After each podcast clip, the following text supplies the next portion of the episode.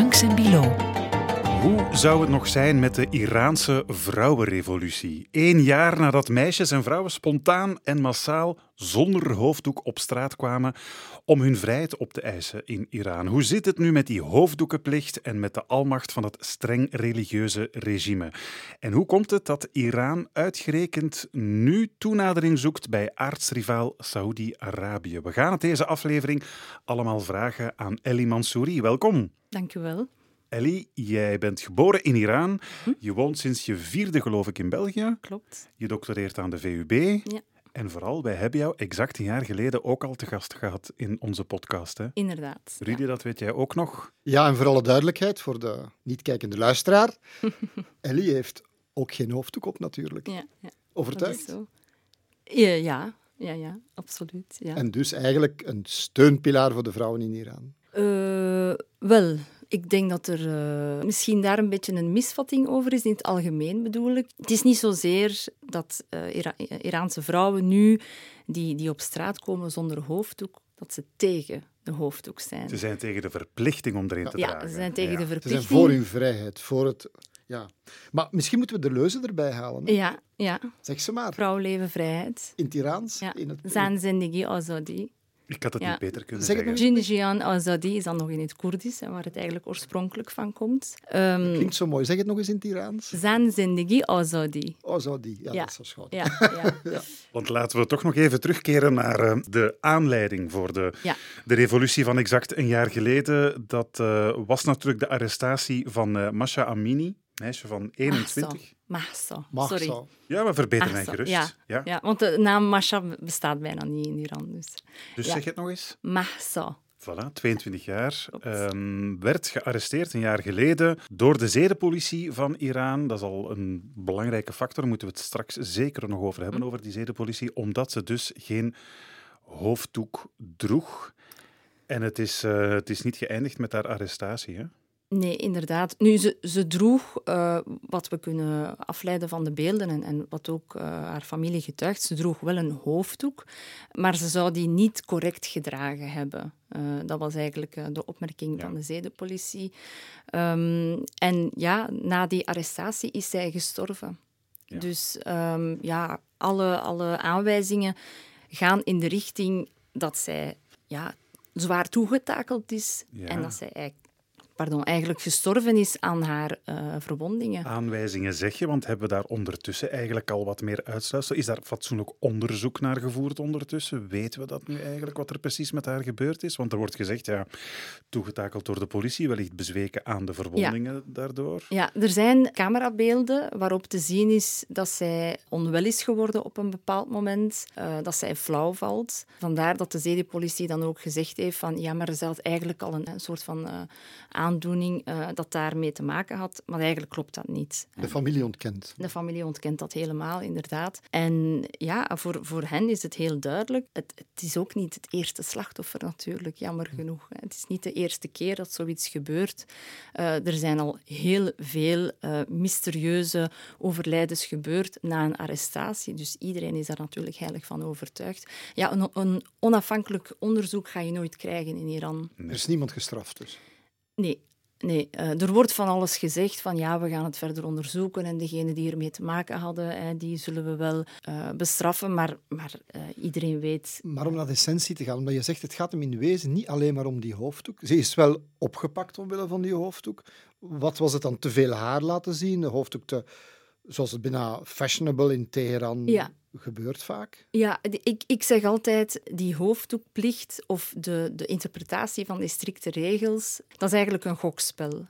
Ja, het is altijd gokken waar je bent, hoe je de hoofddoek draagt en wie je tegenkomt. En dat samenspel zorgt eigenlijk dat het voor de ene ja, een zorgeloze dag kan zijn en voor de andere fataal kan aflopen. Dus het draait om macht.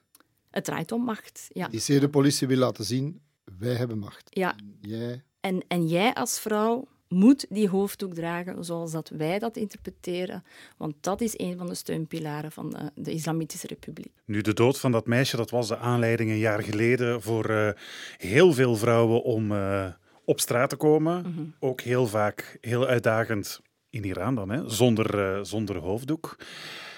Heeft dat intussen echt ook iets veranderd in Iran?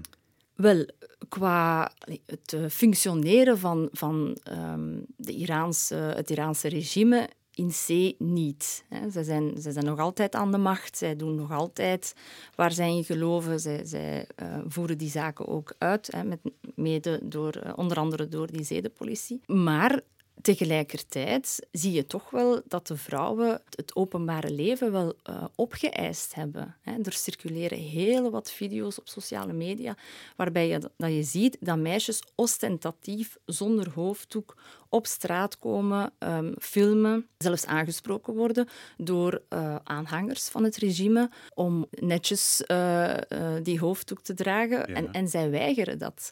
Ja. Dus in dat opzicht denk ik wel dat er een soort van ja, revolutionaire beweging eerder gaande is omdat die meisjes ja, echt wel hun plek opgeëist hebben. En ze zijn daar ook in geslaagd. Beweer je nu dat, dat in het regime, of in de, de almacht van het regime, dat er zo barstjes in aan het verschijnen zijn? Ja, absoluut. Er, er heeft inderdaad, jammer genoeg, geen echte revolutie tot op heden plaatsgevonden.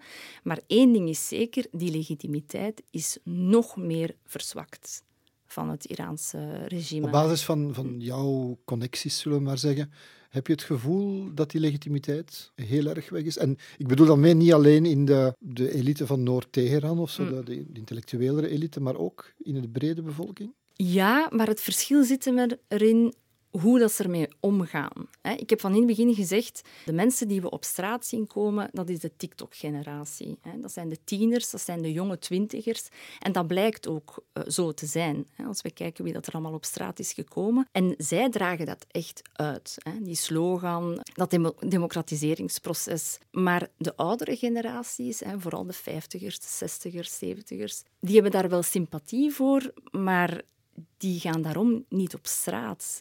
Daar heerst er eigenlijk een soort van, ik zou het bijna durven noemen, een soort van fatalistische faalangst. Van, we gaan dat islamitisch regime nooit wegkrijgen. Zij hebben ook al een opstand gehad in 2008, 2009. Exact. Die zwaar met de knuppel weggeknopt. Ja, en de zoveelste. We hebben, in 1979 was het eigenlijk ook, voor hen is dat natuurlijk in het geheugen gegrift van, ja, maar we hebben het al een paar keer geprobeerd. Ja, het haalt toch niks Waarom zou ik mijn leven moeten opofferen en terug in de gevangenis gaan zitten? Ik herinner mij wel, Ellie, vorig jaar zei je dat ook, hè, van oké, er er, uh, er zijn al een aantal keer uh, protestacties geweest er zijn een aantal momenten geweest dat mensen hun vrijheid opeisten of dat dat streng religieuze regime in vraag stelde. Maar zei je vorig jaar, dit keer is het wel anders. Ja, en daarom dat ik zeg van, we hebben jammer genoeg niet te maken gehad met een revolutie, maar we hebben wel te maken met een democratiseringsproces die we voordien veel minder hadden. Als het gaat over vrouwenrechten, mensenrechten, ehm, kinderrechten, dat zit wel allemaal vervat in die leuze van vrouw, leven, vrijheid. En dat is eigenlijk, ehm, voor mij persoonlijk, is, blijft dat een, een sleutelelement. Haal, haal, die leuze weg. Ja, wat gaat de mensen nog binden? Hè? Als ik naar de, de basismachtsverhoudingen kijk. Je hebt de democratiseringsproces van Ghatami gehad, ja. hè, begin van de eeuw dat is weg. Je hebt alleen maar hardliners. De politieke toplaag is alleen maar harder geworden. Mm. Dus je, je krijgt een veel grotere kloof tussen die beweging van jongeren en de politieke toplaag. Ja, ja, ja. Dat kan toch alleen maar leiden tot een soort van breuk? Ja, die breuk is er al, maar het, het gaat er om wie gaat het uiteindelijk doen veranderen? En als ik nu kijk naar het afgelopen jaar, ja, dan denk ik dat het opnieuw die, die tieners en die jonge twintigers zullen zijn. En dat zal nog even tijd vragen. Dat wordt ook zo gezegd in, in de sociologische literatuur, dat het altijd de jongeren zijn die voor verandering zullen zorgen. En ik, ik vrees dat het proces langer zal zijn dan heel velen, onder andere ikzelf, in het begin gedacht hebben. Ja. Het gaat niet via verkiezingen zijn. Het zal, want ja, dit is alleen maar kandidaten die het regime. Via verkiezingen. We hebben in 2009 Mousavi gehad. Dus dat, heeft weinig veranderd. En hè, er bestonden eigenlijk ook heel mooie karikaturen daarover. Dat je eerst de mensen ziet Mousavi achterna lopen. En dan iets later zie je dat Mousavi de mensen achterna loopt met die groene beweging. Hè. Ja, dus... maar dat is dan de, de, de premier die, die, die min of meer hervormingsgezind zou kunnen zijn, zullen we zeggen. Maar Khamenei, de grote, na de opvolger van, van Khomeini, die is niet het eeuwige leven. Hoe oud is die man? Dat is, als hij 150 is, is 82, 83 of zoiets. Dus, ja. dus Dat gaat, de, vol, de volgende zal ook zo zijn. Dus je gaat een regime krijgen waar de nieuwe generaties totaal niet in geloven. Ja, maar waar ze ook niks kunnen tegen doen. Nee, nee. Dat, dat is ook wel een van de hypotheses dat misschien het overlijden van Khamenei voor een kantelpunt kan zorgen. En daar zitten ook wel mensen op te wachten, letterlijk. Mhm. Ja. Um, want dat moet een nieuwe grote gids Ja, dan, want dan is de vraag wie is de volgende. En tot op heden is er eigenlijk weinig duidelijkheid over wie dat die legitimiteit zou krijgen. Zoals dat, hij dat... achter de schermen al niet lang allemaal geregeld zijn? Ja, dat zou kunnen, maar in... Toch aan dat zo'n regime is toch gesteld op continuïteit. Die, die hebben er toch al lang voor gezorgd dat ja, maar zoals er een dat, draaiboek voor is. Zoals dat jij daarnet zei, Rudy, die, die barstjes, die zien we langs de buitenkant, maar die zijn er ook zeker langs de binnenkant. Daar wordt ook enorm gevochten van ja, wie de volgende gaat zijn, om, om het zo te zeggen. binnen de... heilige stad Kom, waar al die ayatollahs bij elkaar zitten, zeg maar, in elk hun eigen schooltje, die hebben ook ruzie onderling. Of, of, laten we zeggen, concurrentie. Ja, da, daar, zijn, daar zijn strekkingen en daar zijn ook partijen uh, die, die elkaar al dan niet uh, steunen. Ja, maar ja, die jongeren op straat die gaan gewoon het zien gebeuren. Ergens wordt dat bedisseld. Ja in een heilige, allee, in het, het, komen, zeg maar, het Vaticaan van, van Iran. Ah, ja, dat klopt. Dat klopt helemaal. Ik herinner mij ook, een jaar geleden was er uh, op zich wel een grote internationale bijval voor de Iraanse vrouwen, al was het maar allerlei vooraanstaande prominente figuren die uh, ja, solidair met de Iraanse vrouwen een, een, een stuk van hun haar knipten en zo. Dat was allemaal heel mooi, maar was het achteraf bekeken toch niet allemaal een beetje voor de galerij? Want uiteindelijk, wat heeft de internationale gemeenschap echt gedaan om de vrouwenrevolutie in Iran te ondersteunen? Zijn, zijn de Iraanse vrouwen teleurgesteld in uh, de internationale gemeenschap? Maar ik denk, als, als je het voorbeeld aanhaalt van een, een, uh, een haarlokje af te knippen, denk ik niet. Omdat om het even welk soort symbolische bijdrage aan die beweging is natuurlijk welkom voor hen. Hè. Er zijn heel veel mensen die, ja, die, die, die politieke isolatie echt ja, beu zijn.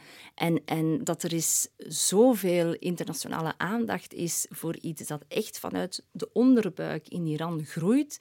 Ja, dat denk ik dat, dat heel veel mensen dat uh, geapprecieerd hebben. We moeten natuurlijk wel zien dat dergelijke zaken niet gekaapt worden door extreemrechtse partijen die dan de hoofddoek gaan instrumentaliseren voor hun eigen politieke ja, ja. agenda. Maar met de internationale gemeenschap bedoel ik bijvoorbeeld de Europese Unie of uh, Amerika. Hadden de Iraanse vrouwen van, van hen iets verwacht om op een of andere manier bij te dragen aan die revolutie? Ja, ik denk dat er wel in het algemeen ergens een soort van verwachting is om het islamitisch regime te, te, te verzwakken. Maar als we heel eerlijk zijn, denk ik ja, dat die beweging, dat die uiteindelijke revolutie vanuit Iran zelf moet komen, vanuit ja, ginder ter plekke. Spreekt mijn analyse tegen? Ik, als ik denk van de Verenigde Staten, de mm. voornaamste speler, mm. heeft onder Obama een nucleair akkoord gesloten mm. met Iran in de hoop dat. En, en oké, Trump heeft dat opgezegd, sancties opnieuw ingesteld. Hè. Iran had eerst wat ademruimte gekregen, terug sancties ingesteld.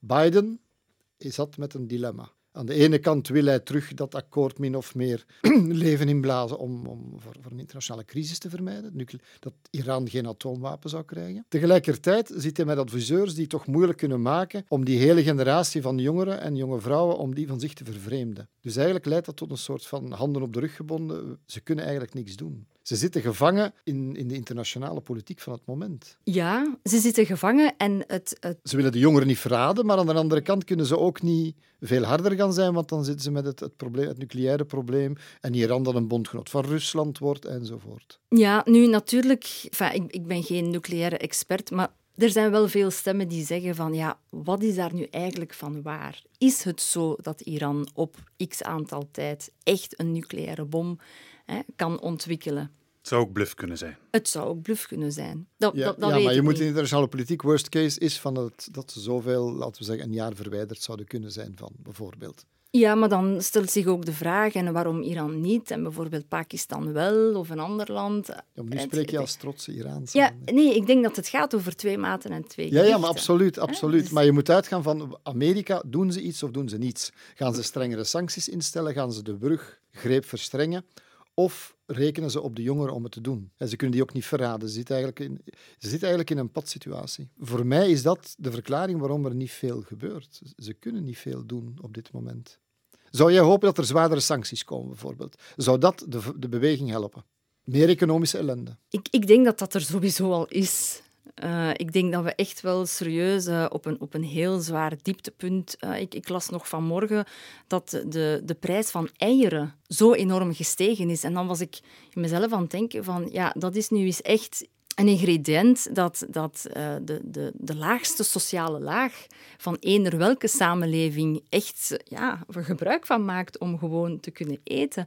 Dus ik, ik denk dat dat sowieso al wel uh, het geval is. En het ironische is, stel zelfs dat die economische sancties nog verstrengd worden, dat uh, wat dat je merkt in het algemeen, de, de publieke opinie in het, in het binnenland, in Iran, is dat mensen toch nog steeds met de vinger gaan wijzen naar het islamitisch regime. Hè? Omdat zij zeggen van, ja, maar het blijft jullie fout. Hè? Jullie slagen er niet in om dit land politiek, economisch, democratisch te managen. Dus de miserie aanscherpen zou kunnen werken. Dat zou kunnen werken. Het is natuurlijk een heel pervers uh, fenomeen. Hè? Dat, dat, zijn sancties ja. altijd eigenlijk. Ja. Dus, maar ik, daarom dat ik zeg, ik, ik vind het heel pervers. Dus ik, ik sta niet te springen om te zeggen, ja, verzwaar ze maar. Hè. Ja. ja duw de mensen nog meer in de dieper. Dat, uh, ja. Goed, Iran is natuurlijk al een van de, van de meer geïsoleerde landen op deze wereld door de, de, de internationale gemeenschap dan. Is het toeval dat uh, in de nasleep van die protesten in Iran het uh, regime plots toenadering heeft gezocht tot de grote aardsrivaal Saoedi-Arabië? Ja, ik heb het een beetje moeilijk met die definitie van grote aardsrivaal. Voor mij is de grootste aardsrivaal Israël. En moest daar een, een verzoening gebeuren, dan zou, denk ik, dat zou echt wereldschokkend zijn. Ja, goed, maar, maar Iran en Saudi-Arabië zijn nu ook niet bepaald goede vrienden geweest. Nee, dat klopt, maar het, het, was ook iets van, van tijdelijke aard, Allee, als, als we het vergelijken. Hè. En bovendien doen de, de golfstaten zijn zelf ook met een opening naar Israël bezig, dus eigenlijk indirect. Ja, dat klopt, maar ze zijn er toch in geslaagd om hè, zich te verzoenen, wat dus eigenlijk Israël meer aan het isoleren is. Dus ja, is het toevallig? Nee, ik denk dat niet. Ik denk dat, hè, wat ik daarnet ook zei, van die, die politieke en die economische isolatie, ja, zij zoeken een uitweg natuurlijk. Ze zoeken bondgenoten. Ze zoeken zich, bondgenoten, te ja. versterken eigenlijk. Ja, ook ja, Saudi-Arabië, waar dat ook uh, vrouwenrechten toch niet ten volle worden gerespecteerd, om het zacht uit te drukken. Ja, dat is ook een bondgenoot waar dat Iraniërs eigenlijk ook niet van vrolijk worden.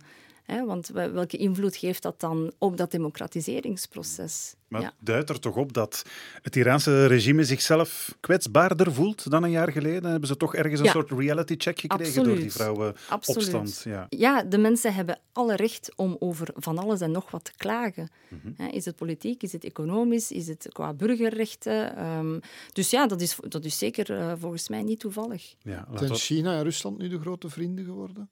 Als je ziet dat ze drones leveren die op, op grote schaal die in Oekraïne ja, ik denk dat die onheil dat, stichten. Ik denk dat die dat altijd zijn geweest. Ik denk dat daar op dat vlak nog niet veel veranderd is. Ja, dat is dan zo de, de typische politiek. Hè. Als het uh, vriend met Amerika, dan zoeken ze natuurlijk ja. toenadering. De vijand van mijn vijand is mijn vriend. Voilà. Klopt, ja. ja. Laten we het dan nog eens tot slot hebben over die, uh, die fameuze zedenpolitie mm -hmm. in Iran. Want we hebben het eigenlijk nog niet vermeld heel veel officiële cijfers zijn er niet van, maar dus die, die vrouwenopstand van een jaar geleden, dat heeft wellicht aan, aan meer dan 500 mensen het leven gekost. Ja. Uh, een paar tienduizend mensen uh, gearresteerd.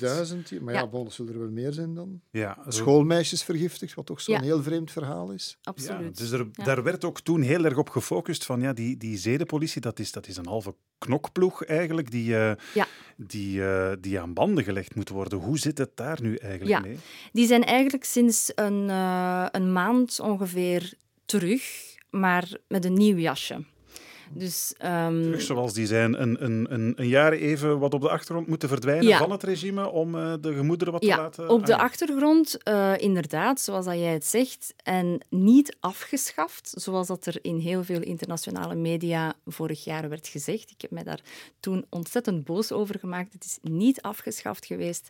Ze zijn gewoon minder zichtbaar geworden toen. Ehm, dus ja, inderdaad, zoals ik zei, in een nieuw jasje gestoken. Het, het zijn nu vooral uh, zwart gesluierde vrouwen die hè, met, met twee of drie meisjes aanspreken en, en deze keer proberen met fluwelen handschoentjes hen te sensibiliseren hè, of hen op het goede pad te zetten van kijk, hè, zou het toch niet beter zijn dat je een hoofddoek draagt, dat je een overjasje draagt, hè, waarbij dat je de vormingen en de heupen enzovoort niet ziet. Maar ja, dat gebeurt natuurlijk ook niet zo vlekkeloos, want die meisjes hebben ondertussen die openbare ruimte toch wel wat ingenomen.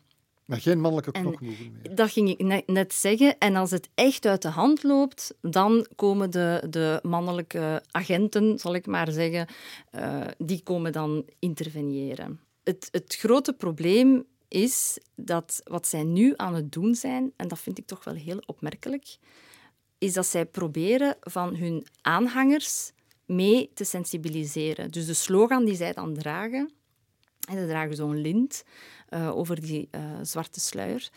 Uh, dan, dan staat daarop van hey, allen, allen voor het goede doel, al, allen voor, voor de zeden, voor het zedelijke. Dus je merkt ook dat omstaanders hè, of, of, passanten tegen die meisjes ook gaan zeggen van het is toch beter dat ik het jou zeg hè, dan dat je straks hier wordt tegengehouden. Ja, je zou toch beter de volgende keer hè, je zus of zo moeten kleden. Uh, en dan ontstaat er meestal een, een ganse heisa en een discussie en een verwijten over en weer. Dus dat vind ik eigenlijk een, een, een, nieuwe, dat is eigenlijk een nieuwe repressietechniek. Hè? Dat, je, dat je je regimeaanhangers gaat aanspreken om ook hen ja. in te zetten. Uh, omdat ze natuurlijk niet altijd overal kunnen zijn. Ze hebben natuurlijk nu wel camerabeelden waarbij dat ze nummerplaten gaan uh, identificeren als ze meisjes zien die in de, in de wagen zitten. Want eh, vrouwen mogen rijden in de auto, hè? dus vooral de duidelijkheid. Ja, zolang ze maar een, de, de hoofddoek juist voilà, dragen. Ja. ja. Dus als ze, als ze dan opgemerkt worden uh, door, door een, iemand van de zedenpolitie of, of camerabeelden of whatever, dan krijgen ze een boete. Uh, en in het ergste geval uh, ja, mogen ze met de wagen niet verder rondrijden. Ik lees dat dat vooral bedoeld is als een soort afschrik-effect, want ja. dat ze daar nog lang niet zo ver staan met cameraherkenning van nummerplaten ja, als ze ja, zelf inderdaad. beweren. Ja, nee, ze, ze hebben inderdaad van alles zitten verkondigen dat ze gingen doen met artificiële intelligentie enzovoort. Maar eigenlijk zijn ze, hebben nog geen programma ontwikkeld, artificial intelligence, hoofddoek of geen hoofddoek voilà, of zo. Ja, nee, ja. Um, zij beweren dat ze daarmee bezig zijn. Maar als ik dat zo hoor, dan denk ik dat er eigenlijk een soort van cultuuroorlog aan de gang is ten gronde in Iran. Maar als je ziet, overal ter wereld is een cultuuroorlog tussen extreem conservatief en mensen die het enigszins anders zien. Op, op een of andere manier lijkt dat een breuklijn die op vele plaatsen loopt en in Iran zich daarop toespitst. Ik, ik ken wel mensen die extreem conservatief zijn, maar die niet, ga, niet gaan uh, de les spellen aan iemand die niet religieus is. Leven dus, en laten leven. Dus ja, dus da, daar, daar zit echt wel het verschil in. Ik, ik, denk dat er echt heel veel vrouwen zijn die uh, heel religieus, praktiserend door het leven gaan, maar die, uh, ja, die, die eigenlijk zeggen van dat zijn mijn zaken niet, hoe een andere vrouw zich kleedt. En dan heb je nog al die de mensen in society mensen, zeg maar de regisseurs, de actrices, de Mhm. voetballers, die eigenlijk zich het voorbije jaar toch ook getoond hebben. Hè? Ze hebben lef getoond. Ja, soms. zij, ik, ik, ik vind ook inderdaad uh, dat die groep van mensen eigenlijk heel veel opgeofferd hebben. Academici uh, van, bijvoorbeeld die ja. hun job kwijtspelen, professoren. Ja, professoren, inderdaad. Die, uh, ja, die daar echt een prominente rol in nemen en waarvoor ik telkens mijn hart vasthoud van... My, welke consequenties gaat dat hebben? Want hè, zoals dat we daarnet zeiden, er is op korte tijd zijn er tienduizenden mensen opgepakt, hè, meer dan 500 mensen gestorven door politiegeweld en dan nog een aantal, een, een zevental executies. Dus die, dat geweld gaat niet stoppen. Want, want het islamitisch regime wil aan de macht blijven en op de dag dat ze niet aan de macht kunnen blijven zitten, zijn met een serieus probleem. Want waar gaan zij naartoe? Als ik het, um, als ik het samenvat, Ellie, het, um, het religieuze regime is nog lang niet omvergeworpen in uh, Iran, een jaar na die revolutie. Veel vrouwen en meisjes voelen wel veel meer zelfvertrouwen om zonder hoofddoek zich in het openbaar te tonen. Ik begrijp ook dat de knokploegen een klein beetje uh, hoe, zal ik het, uh, hoe zal ik het zeggen, een klein beetje ingetoomd zijn en wat meer de fluwelen handschoen moeten gebruiken, zoals je het zelf zei, op in dit plaats van moment. de bokshandschoen. Maar voor een echte omwenteling is het dus wachten tot mogelijks die uh, El het loodje legt. dat is heel moeilijk te voorspellen. Laten we het anders zeggen. Wat moet het ene jaar is voorbij? Wat moet het komende jaar? Wat moeten die nieuwe generaties doen om verandering teweeg te brengen? Wat zou jouw suggestie zijn? Ik, ik denk persoonlijk dat er, uh, er, er, bestaan filmpjes van hoe uh, Khomeini eigenlijk mensen aangezet heeft om die, die omwenteling De vader van de islamitische revolutie. Ja, de, ja, inderdaad, de stichter van het islamitisch regime. En die zei bijvoorbeeld, mensen, betaal jullie waterrekening uh, niet, jullie elektriciteitsrekening niet, betaal geen belastingen. Dat is ook een manier. Boycott de islamitische banken daar. Exact. Haal je geld weg of, ja, of, of ja. niks. Dat zijn, dat zijn zaken die wel gesuggereerd worden door mensen Bloed die het echt... systeem dood. Ja, ja. Dus ik... En ja, doen ze dat? Gaan mensen daar Er zijn mensen die inderdaad op een bepaald moment, allee, op korte tijd, uh, geld weggehaald hebben um, uit, uit de banken, maar dan is dat weer zo stilgevallen. Ik denk, moest ik persoonlijk een, een jonge twintiger zijn in Iran, misschien dat ik mijn... mijn ja, familie, entourage um, zou overtuigen om het op die manier te proberen. Maar het is natuurlijk heel moeilijk, want je, je moet eigenlijk die beweging bijna tegelijkertijd in gang trekken. Want als jij de enige bent die je elektriciteitsfactuur niet betaalt of je ja. belastingen, dan komen ze jou achterna. Maar als je het allemaal tegelijk doet, ja, wat gaan ze doen? Ja, maar is dat dan misschien ook niet een klein beetje de conclusie dat um, ondanks die dat massale protest, vooral van vrouwen, dat er misschien toch in Iran ook nog gewoon een grote zwijgende meerderheid is die voor wie het oké okay is dat het allemaal bij het oude blijft? Ja, maar van echte massale protesten kunnen we eigenlijk nog niet spreken. Om, om echt te zeggen, er zijn honderden duizenden mensen op straat gekomen, dat is eigenlijk nog niet gebeurd. Met de nadruk op nog niet. Nog niet. Jij verwacht van wel? Ja, de vraag is alleen, wat is, wat is de tijdslijn? Dat, dat, is, dat vind ik heel moeilijk om Ik zal het nog anders stellen. Kan dit regime deze eeuw overleven? Ik denk het niet. Ik denk en waarom niet? niet? De eeuw is nog jong, hè, Rudy? Ja, maar waarom niet? Ja, omdat die, omdat die jongeren geen enkele affiniteit of herinnering of wat dan ook met die um, revolutie van 79 hebben.